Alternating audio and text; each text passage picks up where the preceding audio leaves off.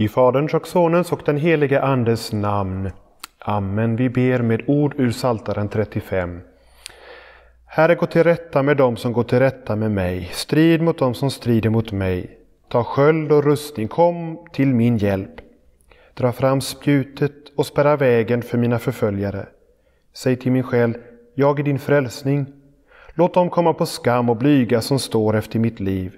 Låt dem tvingas tillbaka med skam som tänker, ont ut, tänker ut ont mot mig.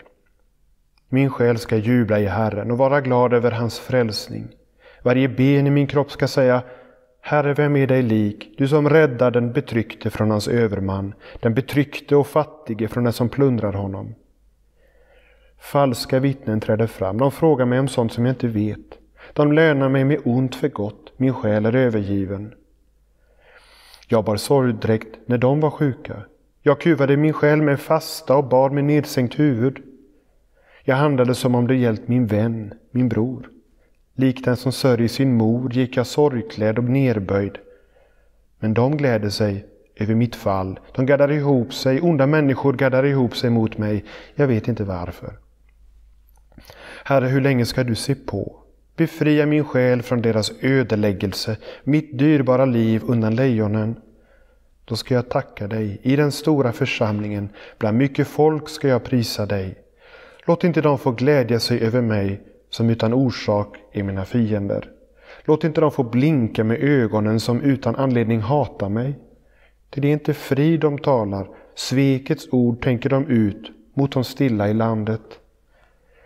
Vakna, stå upp, skaffa mig rätt, ta dig an min sak, du min Gud och Herre. Skaffa mig rätt efter din rättfärdighet, Herre min Gud. Låt dem inte få glädjas över mig. Låt dem inte säga i sina hjärtan, det var rätt åt honom. Det gick som vi ville. Låt dem inte få säga, vi har uppslukat honom. Låt alla komma på skam och blygas som gläds över min olycka. Låt dem jubla och glädja sig, de som unnar mig min rätt. Låt dem alltid kunna säga, lovad vara Herren som unnar sin tjänare frid. Då ska min tunga förkunna din rättfärdighet, ditt lov dagen lång. Ära vare Fadern och Sonen och den helige Ande, så som det var av begynnelsen, nu är och skall vara, från evighet till evighet. Amen. Vi har kommit till det åttonde budet som lyder så. Du ska inte bära falskt vittnesbörd mot din nästa. Vad är det? frågar lilla katekesen. Vi ska frukta och älska Gud så att vi inte ljuger om vår nästa, förråder, baktalar eller skadar hans rykte, utan försvarar honom, talar väl om honom och tolkar allt till det bästa.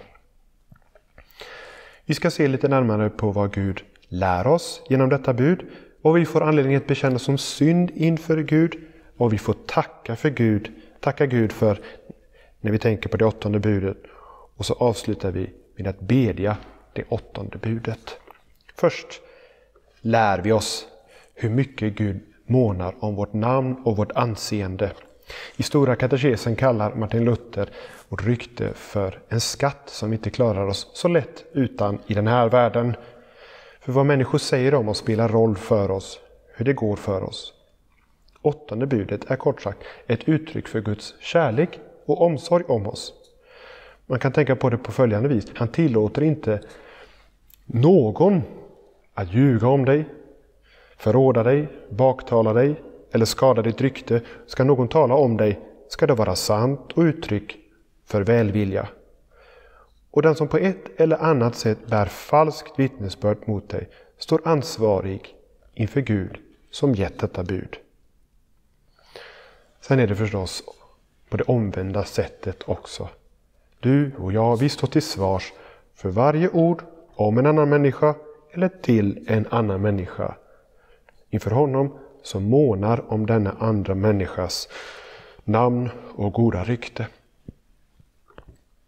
Men vad är det att bära falskt vittnesbörd mot sin nästa? frågar katekesen och svarar själv på frågan med att säga tre saker som Gud förbjuder i detta bud och tre saker som han befaller i detta bud. Han förbjuder för det första att vi talar osant om vår medmänniska, ljuger för honom eller håller inne med sanning som hade varit till gagn för honom. Vi kan tänka på en, ett rättsfall till exempel.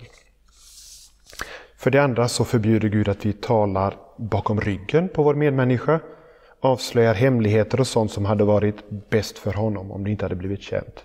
I synnerhet om man inte kan tala för sig själv och försvara sig vid behov. För det tredje förbjuder Gud att vi skadar en annan människas rykte. För sättet som vi talar om en annan människa påverkar människors uppfattning om dem. Och är ryktet, anseendet väl skadat är det oerhört svårt att reparera det. Det här leder över då till vad Gud befaller genom detta bud. Det är också tre saker. Och förbud handlar om det som vi ska låta bli, som är ont, så kräver befallningen det som är gott av oss. Det kräver kärlek och välvilja. Gud befaller för det första att vi talar väl om vår medmänniska. Vi har oftast mycket lättare att hitta fel hos andra. Men här krävs blick och engagemang för det som är sant och gott och rätt hos andra. Och så kan vi få tala och lyfta fram det när vi talar om andra människor med andra människor. För det hjälper dem till att få också sin uppfattning och sin bedömning av dem. För det pågår hela tiden att vi bedömer och får uppfattningar av människor. Kan vi bidra till det för andra? För det andra så befaller Gud oss att försvara vår medmänniska. I domstolar är det i regel så att människor är oskyldiga tills motsatsen bevisats. Och ingen ska behöva bli dömd på, på förhand.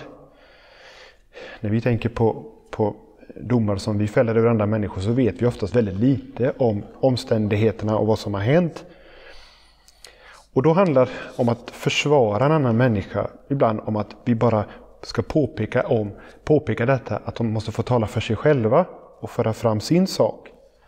Och ibland handlar det om att mera aktivt lyfta fram det som kan vara förmildrande omständigheter. Gud befaller för det tredje att vi ska tolka allt till det bästa. Och det är inte detsamma som att vara naiv eller godtrogen. Eh, ibland kan det ju faktiskt vara något allvarligt brott som har begåtts. Men när skvaller och ryktesspridning är igång så kan en välvillig tolkning vara den där viktiga tankeställaren som får det här pratet som har skenat iväg att upphöra. Som ett exempel på att tolka allt till det bästa. I Stora katekesen talar Martin Luther utförligt om hur vi bör tänka och handla när en människa faktiskt har gjort fel. Kan det då vara rätt att tiga? Ska vi försvara det som är oförsvarligt? Nej, förstås inte. Men det finns några viktiga saker att tänka på här med Luthers ord. Och det första är att, att för, för hastigt döma och fördöma och börja prata om andra människors synd. För grundinställningen är fortfarande att inte skada vår medmänniska, en som han eller hon har gjort fel. Och det är så lätt gjort att skada honom med vår tunga. Sen talar Martin Luther också mycket om att det är den som har fått i uppgift att döma som ska döma. För det är några som har ämbete att inte bara döma utan också att, att straffa. En domare till exempel tar ju in vittnesmål för att fälla en så riktig dom som möjligt. Och han ska döma. Han måste döma. För vårt liv tillsammans i den här världen ska fungera. Och då handlar det inte om att tiga, utan tvärtom. Då handlar det om att så mycket måste få bli sagt och klarlagt att domen blir riktig. Och för den som har råkat ut för falska anklagelser är ju detta oerhört viktigt. Och att ett rättssamhälle och ett rättsväsende fungerar så att det till slut kan bli ett, ett slut på ryktesspridningen och de falska anklagelserna och misstankarna. Det finns också andra överhetspersoner som så att säga dömer i kraft av sina ämbeten. Föräldrar till exempel. De måste reda ut vad som har hänt i ett syskonbråk och fälla riktiga domar. Både för de som är offer och för de som är förövare. Det här är ett stort ansvar att döma. Och det kan gå så väldigt fel, och det gör det många gånger. Och har vi inte fått uppgiften att döma så är det klokast att låta bli. Men har vi fått den, och det kan ju vara i många olika ämbeten, domare, föräldrar, lärare, präster, så är det vår skyldighet att göra det. Luther lyfter också fram vad Jesus säger i Matteus kapitel 18 om en broder har försyndat sig. Vad ska vi göra då? Jo, då är det första eh, skeendet att tala med honom enskilt. Eh, dels är det skademinimering och dels är det omsorg. För vi kan ha misstagit oss, vi kan ha hört ett rykte. Och då kan vi skatta oss lyckliga att inte först ha talat med andra om vår broders synd, om det visar sig inte vara synd. Och om det är omsorg som driver oss så är det inte viktigaste att få sagt mitt, utan att brodern får hjälp till bättring. Och Det här kräver ofta lite eftertanke, som Jesus antyder när han talar om flisan i broderns öga i bergspredikan, kapitel, Matteus kapitel 7. Där säger faktiskt inte Jesus att flisan inte ska tas bort i broderns öga. Vi ser flisan, den skaver, den förstör ögat, den måste bort. Men här pekar Jesus på betydelsen av att komma som en som har en bjälke i det egna ögat, som av nåd tagits bort av Herren. Och Jesus talar ju faktiskt många gånger om att vinna sin broder och göra vad som krävs för att just göra det. Vinna honom. Om emellertid detta enskilda samtal inte leder någon vart så kan två andra eh, som känner till saken bistå, säger Jesus. Och då är det fortfarande så, det är några få som känner till det, det är diskretion. Och ibland kan det ju vara så att det är den andra eller tredje som har visheten som behövs för att nå fram till en, till en felande broder. Om inte ens det hjälper så kommer det tredje ledet som är närmast en nödåtgärd. Nämligen att tala offentligt om broderns synd i församlingen. I det som vi kallar, den, kallar för kyrkotukten. Vars syfte fortfarande är omsorg om den felande brodern. Att brodern ska komma till besinning när det blir en sådan allvarlig och offentlig sak. Martin Luther talar om kyrkotukten som det yttersta nådemedlet. Åttonde budet uttrycker Guds goda vilja för oss och våra liv tillsammans som människor. Varje dag får vi begrunda Herrens bud, hur vi skulle använda vår tunga och vårt tal. Men budet är också en biktspegel. Bikt, bekännelse, det är egentligen bara att säga som det är och som det har blivit inför Gud. Kanske vill vi tänka att tungan bara halkat någon gång då och då, vi har sagt något förilat eller något fåfängt. Men Herrens ord i Jakobs brev stryker under allvaret med tungans bruk. Det står i kapitel 3, vers 5. Tänk på hur en liten eld kan antända en stor skog. En sån eld är tungan. En sån eld är tungan.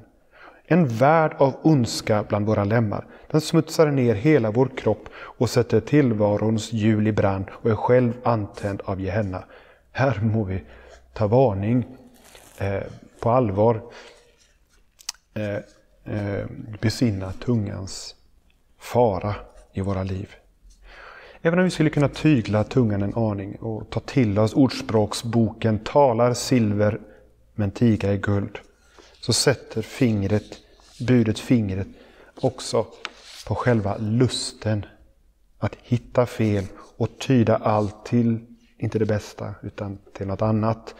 På själva skadeglädjen och på den dolda förtjusningen i att tala om andra människors trassel. Varför ska det vara så angeläget för oss? Det är där långt till lusten att tänka och tala väl om människan. Det är långt till respekten och välviljan. Det berättas i Första Moseboken om Noa att han en gång blev brusad och låg naken i sitt tält. Då valde en av hans söner att berätta det för sina, för sina bröder. Han sa då ju inget osant, det var vad det var, men det blev inte rätt för det. De andra bröderna däremot gick baklänges in i tältet och täckte över sin fars nakenhet med en mantel. För de förstod vad åttonde budet krävde av dem, av kärlek och välvilja. Så som det står i första Petrusbrevets fjärde kapitel, fjärde kapitel att kärleken överskyler många synder. Det finns faktiskt ett undantag från regeln att inte tala om vår felande broder. Och det är att tala om honom med Gud. Och göra det desto mer om han är, har felat mot oss och gjort oss illa, sårat oss. Som Jesus själv gjorde för dem som korsfäste honom, misshandlade honom, hånade dem. Fader, förlåt dem för de vet inte vad de gör. Och den här förbönen, som ju förstås gäller oss alla, till en ytterst förödmjukande bön för oss. Den ödmjukar oss och visar hur det inte är med oss. Här ser du Jesus tänka och tyda allt till det bästa. De vet inte vad de gör, ber han. Han vet däremot att synden gör oss så blinda och inkrökta i oss själva så att vi inte vet vårt eget bästa. Om vi visste skulle vi förskräckas över syndens alla destruktiva och nedbrytande drag i oss. Tungan avslöjar oss, men det är som Jesus säger, vad hjärtat är fullt av, det talar munnen ändå. Men Jesu förbön där vid sin korsfästelse är ju också ytterst trösterik. Han liknar där en av Noas söner. Han står inte och rynkar på näsan och pekar och talar om det, utan han kommer nära och täcker över det som blivit vår skam, vår synd, med sin rättfärdighets mantel. Hans kärlek överskyler många synder. Ja, det han gjorde på korset är svaret på hans förbön till Fadern. Förlåt dem. Förlåt oss. Och så har hans försoningsstöd, det som där och då skedde på korset, blivit Faderns svar. Jesus är det djupaste skälet till tacksägelse i mötet med det här åttonde budet. Vi kan tacka Gud för att han är så mån om oss att han också värnar vårt namn och vårt anseende i den här världen. Ja, så mycket månar han om oss att han förbjuder var och en att tala illa om oss, illa berykta oss och han befaller människorna runt om oss att tänka och tyda allt till det bästa för oss och om oss. Så visar Gud återigen genom sitt bud att han är god och vill oss väl. Men vi är inte goda. Våra ord skadar och förstör för våra medmänniskor. Och det är till den här världen med sådana människor som Jesus kommer. Och fast han var rakt igenom god och sann så blev han illa beryktad, falskt anklagad, förrådd av sina närmaste, övergiven. Ingen kom till hans försvar när människor bar falskt vittnesbörd mot honom. Istället för att tyda allt till det bästa försökte man sätta dit honom för något som han hade sagt. Det står på ett ställe att de vaktade på något han sa. Men han backade inte från detta elände. Det som vi både själva råkar ut för och det som vi utsätter andra för. Han backar inte för det. Han bär det. Han sa inte ett ord när falskheten sköljde över honom. För han var Guds lamm som skulle straffas för just det som han utsattes för, ja, för hela världens synd. Och så är det också med det som du och jag måste bekänna som avsteg mot det åttonde budet. Han fäller inte någon dom. Han bär den själv. Därför teg han inför dem som bar falskt vittnesbörd mot honom. Allt det som Jesus där gjorde i sitt lidande, i sin död, det har du och jag fått som en gåva i vårt dop. I dopet så blev ditt namn skrivet i Livets bok i himlen. Där fick ditt namn sin hedersplats. Det finns ingen större ära att få. Ingen mer bestående ära. Och det här är det djupaste skälet till att inte till varje pris rädda sitt namn och sin ära i den här världen. För det kan gå med oss var och en som det gick för Jesus, för hans namns skull. Jesus sa, ve er när alla människor talar väl om oss, om er. Att vara sann och tala sanningen i kärlek, är inte utan risk, men det är ändå det rätta. Jesus han talar sant och avslöjande till oss om tungans bruk, om hjärtats inställning. Och för det blev han avrättad. Men han gör det till oss i kärlek. Han vill ingen syndares död. Han har inte kommit för att döma, utan för att frälsa. Och i Guds tanke och rådslut är just denna avrättning det som våra synder driver fram, så blir synd överskyld, borttagen. Där får synden sitt straff, men i honom. Också det som är brott mot det åttonde budet. Och så lär vi oss genom blicken på den korsfäste frälsaren att välsigna och inte förbanna. Att tala till Herren om våra felande bröder och bödlar istället för andra om dem. Och att tala sanningen till människor, medmänniskor, i kärlek. Såsom människor som har fått möta både Jesu sanna avslöjande ord om oss, men som också fått möta hans kärlek som har burit allt det onda i oss. Vi ber. O Gud, all sannings källa, sätt en vakt för vår mun så att tungan renas från allt ont tal och helgas för ord som bygger upp. Led oss till omvändelse där vi har talat falskt om vår nästa, förrått honom genom att avslöja det vi borde hållit för oss själva, baktalat honom genom skvaller och annat och skadat hans rykte genom lögner och halvsanningar. Gör oss istället ivriga att försvara vår nästa, tala väl om honom och förklara hans omständigheter och handlingar på det mest omsorgsfulla sättet.